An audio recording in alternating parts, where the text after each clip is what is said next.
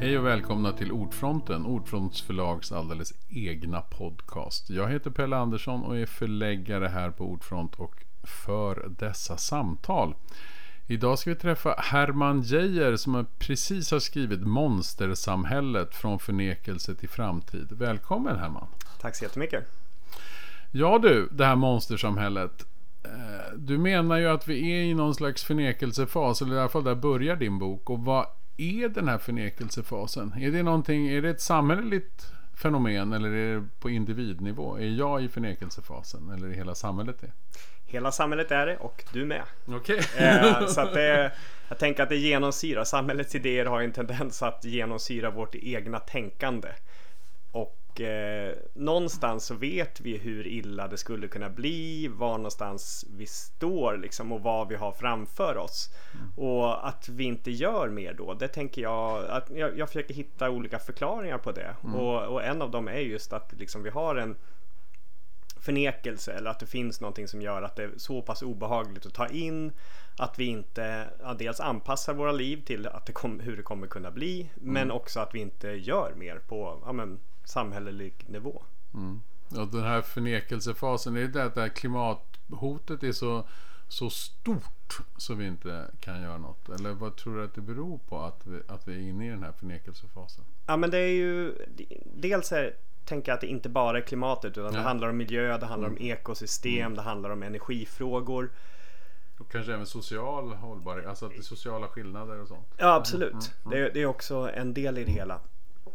Men jag tänker att det är eh, vi, vi har svårt att hantera hot som inte är så himla direkta som mm. det här är. Mm. Varje dag för oss är det i allmänhet inte så stor skillnad varje morgon man vaknar och går upp. Eh, varje vinter som är lite mindre snö men vi tänker inte så mycket på det för att det är ja, det, det, går ganska långsamt och den typen av hot har vi rätt svårt att hantera. Vi har ju liksom inte haft det i så himla stor utsträckning tidigare i vår historia. Eh, vi, vi, är bra på att agera på hot som är väldigt direkta när det är någonting det blir en brand eller det är liksom en farlig situation, det blir hotfullt, då vet vi ungefär hur vi ska göra ofta. Vi får ett adrenalinpåslag, det händer saker i kroppen, men det gör inte riktigt det i de utmaningar, eller utmaningar kanske fel ord, det är de hoten mm. som finns eh, runt omkring oss i, för hela samhället. Och, och, det gör ju att det också blir svårt att agera.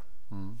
För det du säger nu med vanliga kriser, då är vi väl ganska bra också på att liksom sammansluta oss och hjälpas åt och försöka fixa. Alltså, jag, jag tänker på det liksom, som under pandemin.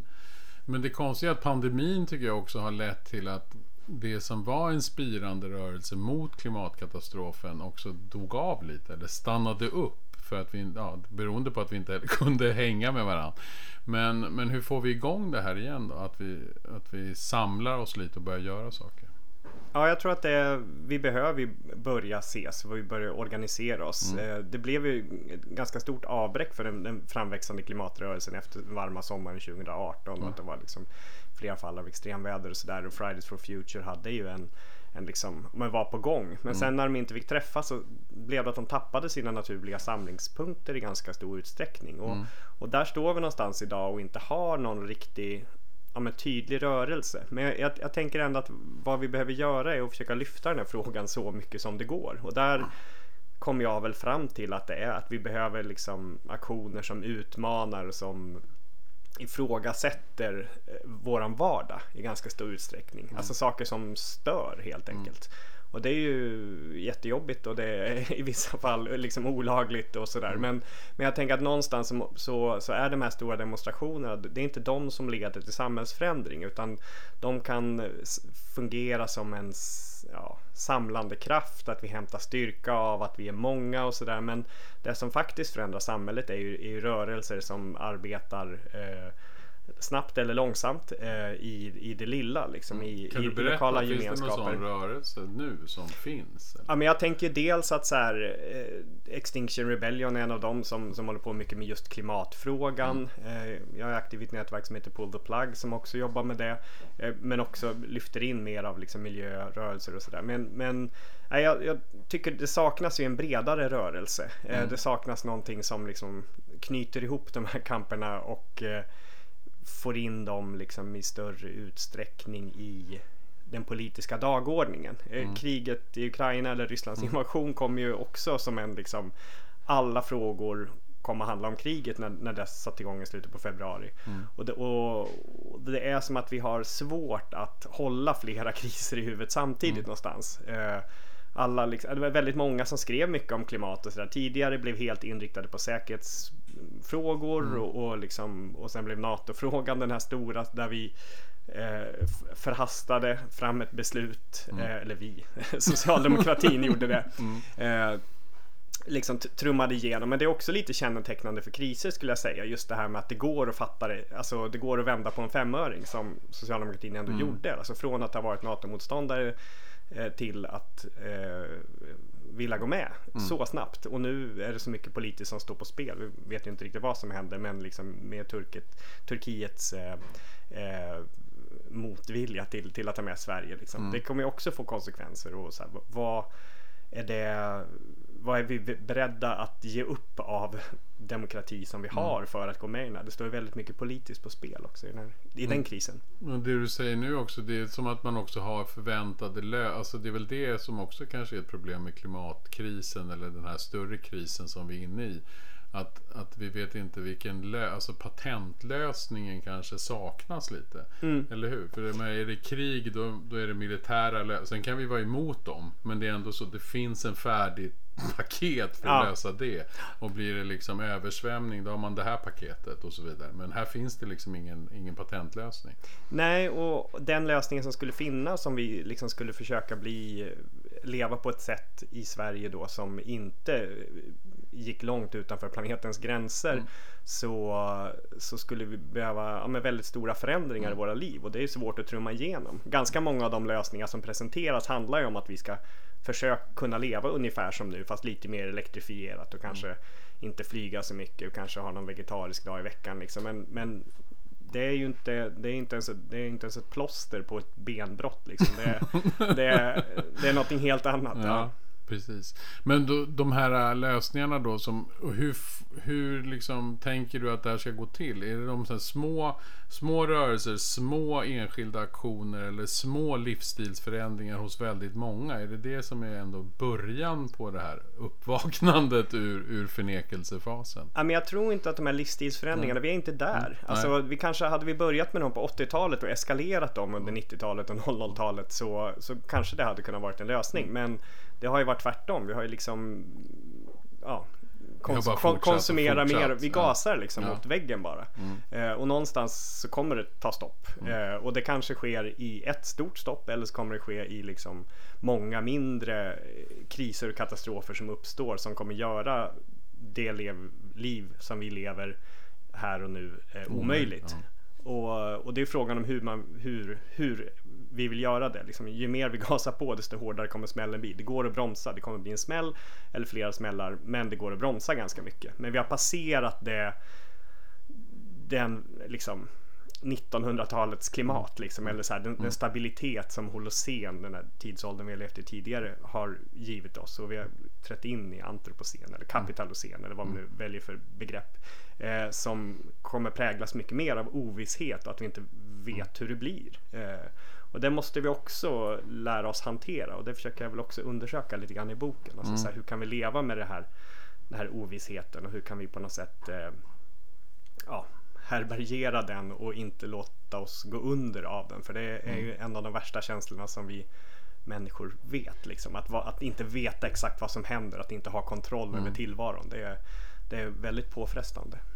Kan man tänka, det kommer en helt ny tanke bara. Kan man tänka att man skulle kunna hitta platser där folk redan har varit utsatta för det här och börjat leva på ett nytt sätt? Det kanske finns platser i världen där man faktiskt har haft en kraftig katastrof mm. och börjat leva, har fått vara tvungna att ställa om. Ja men det finns ju liksom i de här lokala katastroferna mm. eller kriserna så uppstår ju eh, katastrofgemenskap mm. eller att, att vi börjar samlas och göra saker tillsammans och, och man kanske hitta varandra i, i armodet någonstans. Mm. Och, eh, ja, men jag, jag, tycker väldigt mycket om Rebecca Solnits bok A Paradise Built in Hell som mm. handlar väldigt mycket om de här katastrofgemenskaperna som hela tiden uppstår eh, när saker händer. Att när det blir som värst så är det ganska ofta att vi blir som bäst. Att Mm. vi här, släpper oss själva lite och, och, och våra, vårat ego och går upp i någonting annat som är större och som känns viktigare. Och det tänker jag att det, är så här, det här skulle man lyfta på, på ett, ett annat plan. Men, men det finns ju också i den, tänker jag, i de så här politiska gemenskaperna när- man genomför aktioner eller sådär. Att det, det blir en väldigt stark sammanhållning och att det blir någonting väldigt fint av, av det. Fast det är kanske en situation som känns obehaglig på många sätt. Mm. För det, det, det att jag läste faktiskt en, jag fick ett litet förslag på en bok som hette How to live on an unruly planet tror jag den hette. Alltså så här, när det är och hon, hennes projekt var just att hitta platser där folk har varit utsatta för något väldigt, väldigt svårt. Och försöka se hur klarade de sig igenom krisen och vad hände sen och hur blev de omvandlade? Och till viss del tror jag att de blev det. Alltså vissa människor har en helt annan, annan uppfattning om världen än, än vad vi har som fortfarande kanske inte på det sättet har varit utsatta. Man skulle kunna tänka sig att åka till Hälsingland till exempel och träffa de människorna som levde under brand, branden 2018 och sådär. Alltså se vad som hände. Mm. Nej absolut, jag tänker tänk att det, det finns mycket att lära. Alltså, är man nära döden så är det lätt att värdesätta livet mer. Ja, Eh, precis. att, för att ja, man lär sig vad som står på spel och att det, det är någonting som, som, som blir verkligt. Liksom. Det, det är inte bara att nästa dag är ungefär som igår. Eller att det, utan att det, någon, det kan hända saker ganska snabbt och då måste vi faktiskt också vara här och nu lite grann för att kunna njuta av det. Mm. För jag tänker på det i din bok. Du, du börjar med förnekelsefasen. Men vad är då den här förberedelsefasen? Som är liksom kanske nästa. Innan man når förändring och framtid. Ja, eh, i förberedelsen. Det handlar väl om att, att, att världen är redan nu annorlunda. Vi lever i klimatkrisernas tid väldigt mycket. Eller liksom, ja, och Alltså, även vi är lokala miljökatastrofer. det. Ja, Ja, precis. precis. Och det gäller att förbereda sig. Och då, det har ju blivit mycket mer på tapeten sen jag skrev min senaste bok eh, Överlevkatastrofen som, Mm. som handlar väl väldigt mycket om det. Hur vi kan förbereda oss på olika sätt. Och det Det handlar var ju mer en preppingbok. Ja, precis. Mm. Och det är mindre om vilka konservburkar som behövs och mer vilka gemenskaper som, som vi behöver bygga. Precis. Eh. Vilket var väldigt fint med den boken. Ja, Att det eh, handlar om det. även om det blev en konservburk på framsidan i pocketversionen så... så Vad så, gör man inte för att sälja? Ja, men precis. precis. Det är därför, det är, men, men det är också det. Vi, de flesta söker väldigt enkla lösningar eller så här, och vi är vana att vi ska kunna konsumera oss ur alla problem som uppstår. Och då blir ju liksom den här individuella preppingen väldigt det ligger bra i tiden.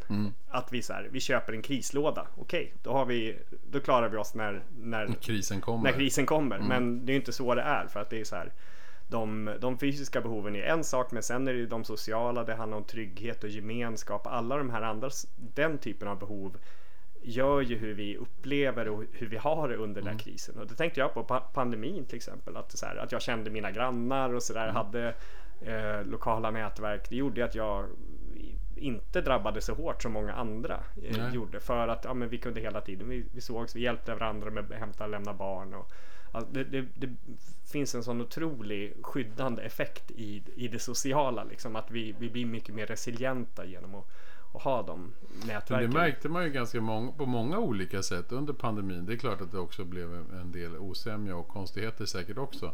Men det var ju väldigt många sådana gemenskaper som dök upp. Att Mm. man handlade åt de gamla i sitt hus. Eller, och även där att det sattes igång en, liksom en nästan frivillig industri för att tillverka munskydd och vad det nu som saknades. Mm. Ja men det, det är något vi ser i alla kriser att, att, de, att det är, människor vill hjälpa till. Man vill dra sitt strå till stacken och, och, och vara en positiv kraft. Eh, och det är liksom tvärt emot vad vi vanligen ser i, i Hollywoodfilmer som skildrar katastrofer där alla liksom försöker eh, leva på varandra liksom, eller så här, eh, ja, man utnyttjar varandra i så stor utsträckning som möjligt och så eh, är det ju inte. Ja, och det är väl det som är så obehagligt med det här extremt individualistiska samhället som vi har skapat. Att man, man tror fortfarande att det är det vi är. Att Mm. vi är individualister, men det är vi faktiskt inte. Nej, nej. vi luras ju att vara där lite grann. Men, men när det här civilisationens fernissa försvinner så är det ganska tydligt att vi är flockdjur. Liksom, Ja, som, precis. Som hjälper varandra. Ja. Mm. Alltså, det är klart folk beter sig illa. Det, det gör ju alla hela tiden. Eh, I vanliga livet också. Mm. Det kommer finnas människor som gör det i katastrofer. Men, men inte det som definierar mänskligt beteende. När, det värsta händer. Om man tänker då det här med att jag sa, jag var inne lite på det här förut, att katastrofen, eller du har pratat också om att den är så långsam, att den är så stor, den är så men är det inte också ett problem det här att just att, att bekämpa någonting som man tänker hela tiden leder ändå åt, åt skogen? alltså att det är jobbigt att uppamma energi för någonting att bara klara sig eller överleva. Kan man, kan man se på det här på något annat sätt? Ja, jag, jag, tänker att vi behöver också hitta någon typ av riktning dit vi vill. Eh, att I antropocen så, så, saknar vi en karta över tillvaron. Liksom. Mm. Vi, vi, vet inte hur allting ser ut eller hur det kommer bli. Men vi kan ha en riktning, vi kan ha en kompass dit vi vill gå. Och jag tänker att det är ändå viktigt att ha någon sorts vision och ha någon sorts tanke på det som man knyter ihop de här ja, men, aktivismen eller liksom ett politiskt engagemang kring. Att det inte bara blir att bekämpa det värsta hela liksom eh, ja men bara stoppa hela tiden för det känns som att vänstern i stort har handlat väldigt mycket om i att bara stoppa försämringar och mm. inte komma med andra typer av lösningar och hitta nya vägar och sånt där. Mm. Det är ju någonstans att vi kanske är fast i liksom en bild av att samhället som det är, att vi tänker att om det kommer alltid vara ungefär så här. Mm. Eh, men det behöver ju inte vara. Det kan ju vara helt annorlunda, men det är väldigt svårt att se utanför de väggar som vi har byggt upp i, mm. i vårt samhälle. Vi mm. kan inte se riktigt hur det skulle vara med liksom ett ett, ett helt gemensamt ägande av, av, av i princip allt. Vi, vi, vi, kan, vi kan inte föreställa oss det riktigt för vi är så vana att tänka oss in i hur det är. Eller, nu. Ja, vi, vi, vi, vi ja, men precis. Vi ja. har levt i ett nu som, har, som präglar vårt sätt och, och, mm. och tänka på samma sätt som man under tidigare århundraden har sett liksom kungen som utsänd av Gud och liksom att det inte går att ifrågasätta hans makt och sådär. Eh, och vilket omöjliggjorde eh, revolter på, mm. eh, på många sätt. Mm. Och samma sätt är det ju idag. Liksom, att vi, vi är präglade av, även om det inte finns en kung, men vi är präglade av att se att det finns en maktstruktur som är på ett visst sätt och att människor beter sig på ett visst sätt. Att alla försöker klättra på något sätt i någon sorts hierarki mm. hela tiden. Eh, men så behöver det inte vara. Nej. Och då är det ju frågan, det skulle alltså behövas någon typ av ny utopi eller liksom en ny vision, en ny framtidsidé. Ja men kanske. Mitt eller... i det här som ändå ser så dystert ja, ut. Ja, och det, det, kanske inte är så att det är väldigt svårt att måla upp liksom en, eh, ett, ha ett recept för morgondagens soppa som, som Marx pratade om. Men, eh, och det kanske inte är det vi behöver göra men vi behöver identifiera vilka strömningar som, som kan leda ditåt eh, och försöka förstärka det hela tiden och försöka jobba med, med att ja, men, tas steg för steg i den riktningen. Liksom. Snarare mm. än att eh, fastna i att, att eh, ja, skolan är hemsk och det är nedskärningar i sjukvården och det är alltså det går det är ingenting, det är väldigt lite som går bra mm. just nu. Ingenting går vår väg. Nej, så kan Allting, man säga. Ja, precis. Allting bara fortsätter rusa mot katastrofen och trots att vi vet att vi borde göra något annat och väldigt många är nog överens om det. Ja. Så fortsätter den bara, maskinen på något sätt. Ja, mm. men för det, vi, vi, vi har inte riktigt, det finns liksom ingen strategi. Det finns mm. inget sånt dokument som säger precis hur vi ska göra och det det är ju svårt. Det kanske inte kan göra det heller. Det kan vara farligt att låsa sig vid en plan sådär långsiktigt. Men, men jag tänker att det finns ändå någonting. Ja, det fin- vi söker efter det. Och, mm. Men så tills dess att vi, vi hittar någon sån eller vi hittar de här lösningarna så tänker jag att vad vi kan göra är att stärka de, de lokala gemenskaperna och de kollektiv som ändå finns som kämpar på olika sätt mm. åt det här hållet. Skulle man kunna tänka sig också det som en slags små utopier? Alltså man tänker att i lokala kan vi jobba och så har vi ett litet mål. Mm. Vi ska göra det här. Ja, absolut. Och då kanske man börjar vända trenden och vinna små vinster. Ja men precis. Det, det tror jag verkligen att, eh, att det är en viktig del. Att lära sig att det går att vinna bara. Att mm. vi kan. Det behöver inte liksom Eh, allting handlar alltså, och, och då vinna inte bara som att det stoppa saker utan också att eh, ta ett kliv framåt. Liksom, att utveckla saker, mm. att få en, en mer eh, en trevligare närmiljö liksom, mm. eller så här, eh, tänka på biodiversitet i stadsbyggnation. Alltså, så, mm. Massor med sådana olika saker. Jag skriver lite grann om så här, Preppa Tillsammans mm. rörelsen till exempel också som, som jag tänker är det. det är, någonstans handlar det om att förbereda sig för att, att det kommer bli sämre rent eh, liksom, miljö och klimatmässigt. Mm. Men, men det finns ju också någonting som gör att vi kan kämpa framåt lite mm. grann i det. Eh, att vi kan, när någonting händer så kan vi ställa krav, vi kan, vi kan eh, driva frågor Mm. som, som blir viktiga. För det är det som också uppstår i, i mindre kriser, att vi kan driva frågor. Vi, det uppstår en handlingsmöjlighet. Ja, men på samma sätt som det här med NATO. Liksom. Mm. När, när, när, när, efter invasionen så uppstod det en möjlighet att göra det här. Och då, den, Den tog dem. den ja. tog dem ganska snabbt ja. Eh, Och det, är väl, det är väl också klassiskt det där att varje gång ett samhälle går igenom djupa kriser så kan det uppstå något nytt. Det gäller ju bara vem som har idén om hur det nya ska se ut. ja men Vem precis. som är med och formar den. Vem, Vem den som är idén. resursstark och, och sådär. Precis. Det är ju, ja, Naomi Klein skriver ju bra om det i chockdoktrinen och sådär.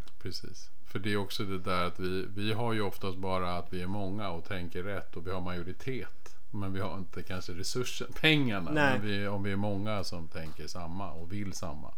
Och det är inte alltid vi kan samlas snabbt på det sättet heller och liksom hitta de kraven, hitta de... Nej, och sen så har ju även det varit många sådana förluster. Jag menar det har ju funnits stora globala rörelser. Antiglobaliseringsrörelsen och attack. Och, jag menar vi har ju sett stora samlingar där folk har faktiskt samlats och träffats och pratat om framtiden på ett helt annat Mm. sätt på 90-talet. Och sen så har vi liksom inte fått med oss det Nej. in i 2020-talet riktigt.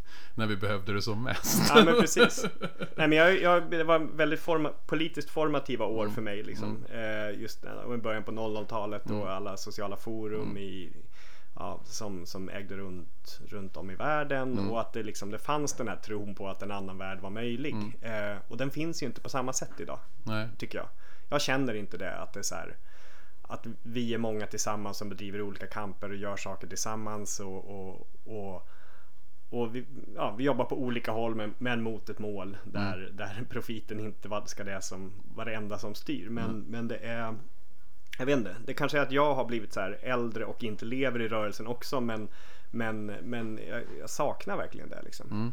Och att den här känslan av att det, det är möjligt. Men det är kanske också ur det här, äh, de små försöken som det kan spira något nytt. Man ser ju samtidigt sådär att det blir mer och mer sådana här små Små grupper som odlar upp platser som förut var bara typ park eller inte ens park. Bortglömda delar av stan och sådär. Så det kanske liksom håller på att även om det sker med myrsteg så är det någonting som ändå håller på att hända. Vi börjar göra sådana små, små steg och vi börjar inse att, att det är ja, bara att bygga för att bina ska ha det lite trevligare och sådär. Alltså det sker smått. Absolut. Ser du det också? Mm. Ja, det gör jag också. Eh, och det är väldigt positivt. Men det är ju liksom, det är som du säger myrsteg när det borde vara eh, kängurhopp. Jag vet inte. Det börjar bli svårare och svårare Snabbt, hitta något bra liknande. Någonting som hoppar väldigt snabbt framåt i alla fall. Långa hopp. Eh, Långa hopp ja. framåt. Ja. Jo förstås, absolut, det är ju så. Men sen så vet vi väl också sen gammalt om man tittar på rörelser och förändring. Att det kan ju gå från ett hopplöst läge till ett otroligt positivt och annorlunda läge bara på några månader. Eller hur? Så Mm. Ja, det- verkligen. Mm. Det är ju, att ge upp är ju inte ett alternativ heller. Liksom. Att eller bara sätta sig och vänta på att katastrofen kommer. Det finns ju en del i, i liksom omställningsrörelsen som kanske är mer Typ inne på gräver det. ner sig istället. Ja, eller liksom Mm. he- helt bara tänker på att så här, ja men nu, nu ska vi försöka leva här de sista dagarna på Mm. så bra sätt som möjligt och det kan vara att flytta ut på landet Mm. eller liksom och, och, och ställa om för att anpassa sig men inte, inte samtidigt försöka förändra. Eh, för det var det någonstans jag också ville ha med boken, att Mm. här, inte hamna i det här med att det är kört, allting kommer gå åt helvete. För det, det är så det känns väldigt ofta och det vissa saker kommer gå åt helvete men, men vi vet inte hur, hur illa det kan Nej. bli. Liksom. Nej, vi kan göra att det blir ganska mycket mindre illa eh, och vi kan leva ganska bra liv även, eh, även om det är eh, i en omgivning som är jobbigare. Eh, Ja, för man kan ju tänka att till och med det här livet som vi lever nu. Det finns ju säkert människor för länge, länge sedan som tycker det här är helt sjukt. Om vad vi Ja, ja. har anpassat oss till en kall och konstig värld. Ja, och, liksom, om man, och tänker det är Ja. Mm. helt normalt att 10% av befolkningen äter antidepressiva. Alltså att alla de här människor mår inte bra idag heller. Jag vet inte, jag, kan, jag tror jag kan räkna på handens fem fingrar av Mm. vänner eller fo- folk runt omkring mig som så här lever, ä, ä, inte känner den här tomheten eller liksom har någonting som de eh, ja, känner sig otillfredsställda på något sätt. Det är väldigt få. Eh, Mm. och det är samhället som har skapat det. Så har det inte alltid varit. Vi har inte alltid liksom eh, Inte känt att vi har en uppgift eller Nej. känner att allting håller på att gå snett. Att eller vi, så. Att, vi, att vi spelar roll överhuvudtaget. Mm. Jag tänker att det är också en så här att det, det, vi vill vara viktiga och det känner vi kanske inte så mycket att vi kan vara i dagens samhälle. Men, men där blir ju, och det är väl det som vi var inne på tidigare, att så här, i kriserna så kan vi helt plötsligt bli viktiga. Vi kan spela roll. Eh, Vi kan vara en, en resurs för vårt lokalsamhälle eh, när det värsta händer. Eller att vi kan vara det för någon vän vars eh, partner har gått bort eller sådär. Liksom. Där, där blir vi också viktiga i att vi kan vara ett stöd till dem. Eh, och för, det, för det ser vi också liksom att så, så fort individuella tragedier eller kriser inträffar så finns ju också människorna där eh, som, som vill hjälpa till. Ja precis och det, ju, det känner man ju nästan alltid att det finns alltid en massa solidaritet faktiskt runt omkring oss och som bara att den inte alltid får uttryckas eller den, den finns inte där hela tiden i vardagen för att stoppa det här som, som håller på att hända. Men, men tror du nu att det så här, efter nu pandemin och efter, alltså det är så mycket som har, det har hänt stora förändringar även just det här med NATO, kriget i Ukraina.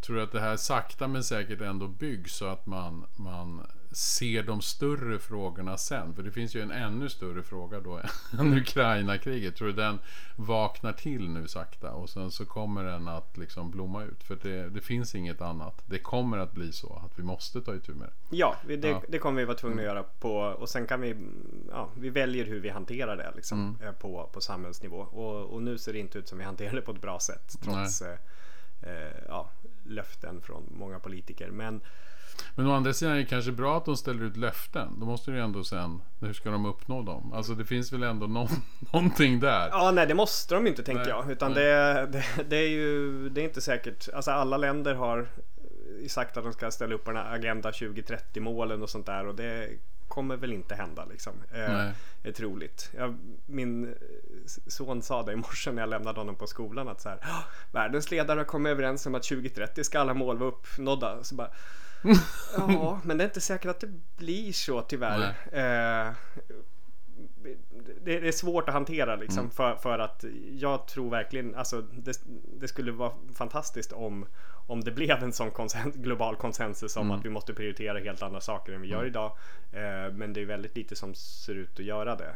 eh, Liksom. Och, och jag tänker också så här, hur, hur vi pratar med, med våra barn eller liksom unga eh, kring det här tänker jag också är en, en viktig fråga. Att man Jag har också med det här att göra från förnekelse till framtid. Ja. Att vi ska börja liksom prata och anpassa oss. Eller ja, eller få barnen också att förstå att det inte bara är nattsvart kanske. Det måste finnas ett hopp även för dem. Ja, ja men precis. Och det, det, hoppet finns ju någonstans i våra relationer och våra sociala gemenskaper och vår förmåga att göra saker tillsammans. För det är ju människan ändå bra på. Och då är de här äh, små utopierna, är det det som är framtidens lösning tror du? Nej, alltså tittar vi historiskt på de här utopiska, eh, kanske sekterna framförallt som det har varit tidigare så är det inte säkert att det, Att det går rätt. att det går så jäkla bra. Utan, utan jag tänker snarare att det är någonting som måste eh, välta det rådande snarare. Mm. Att, att det är det som är, det är inte liksom den individuella exodusen utan det är snarare en En stor gemensam. Ja, precis. Som till sen, sen kan liksom införa någon, någon annan typ av system. Eh, men däremot så, så här, för vårt eget mående så är ju de här lokala gemenskapen det viktigaste som finns. Eh, Mm. Tänker jag. Alltså våra sociala relationer, det är de som spelar roll i, överhuvudtaget. Om man tittar på de här Ja, men vad folk ångrar när de har, har legat på dödsbädden så är det ju, handlar ju bara om sociala relationer. Det handlar ju ingenting om konsumtion eller om, om att eh, ja, våra min generation kommer inte berä- prata om deras eh, närvaro på sociala medier som det som Som var den stora jag, jag, jag, grejen. jag skulle varit med på Facebook. Jag skulle engagerat mig mer i den här Twitter-debatten. Eh, utan snarare så, så, så, så tänker man att det, är så här, det, här, det här var ett stort hål där mitt bara tid försvann och jag satt och var arg och eh, sur över. Istället för att umgås med Ja, min familj och ha lite mysigt Ja. i någon skog eller något. Ja. Precis. Ja men, det, ja men det tycker jag är en fin bild det där om vi vänder på det. Just det där att det kan ju också vara utopin. Om vi får börja förstå att, att vi kan få mer tid med varandra och vara tillsammans och göra saker tillsammans. Så är det liksom det är framtiden. Mm. Eh, Och Ja, den men- kan börja nu. Ja men precis, det, det tänker jag. Så börja engagera dig i en rörelse som, Så, precis. Ja, det som kan man vill göra någonting ihop. annat. Ja. Mm. Kalas. Tack så hemskt mycket Herman Geijer för att du kom till Ordfronten och talade om monstersamhället från förnekelse till framtid. Tack för att jag fick vara med. Och tack extra mycket för att du har skrivit boken förstås. Ja, det var det lilla. Nej, det, nej, det var inte. Det var, det var skitjobbigt, men nu är det över. Tack! Vi återkommer med nya Ordfronten så småningom. Tack och hej!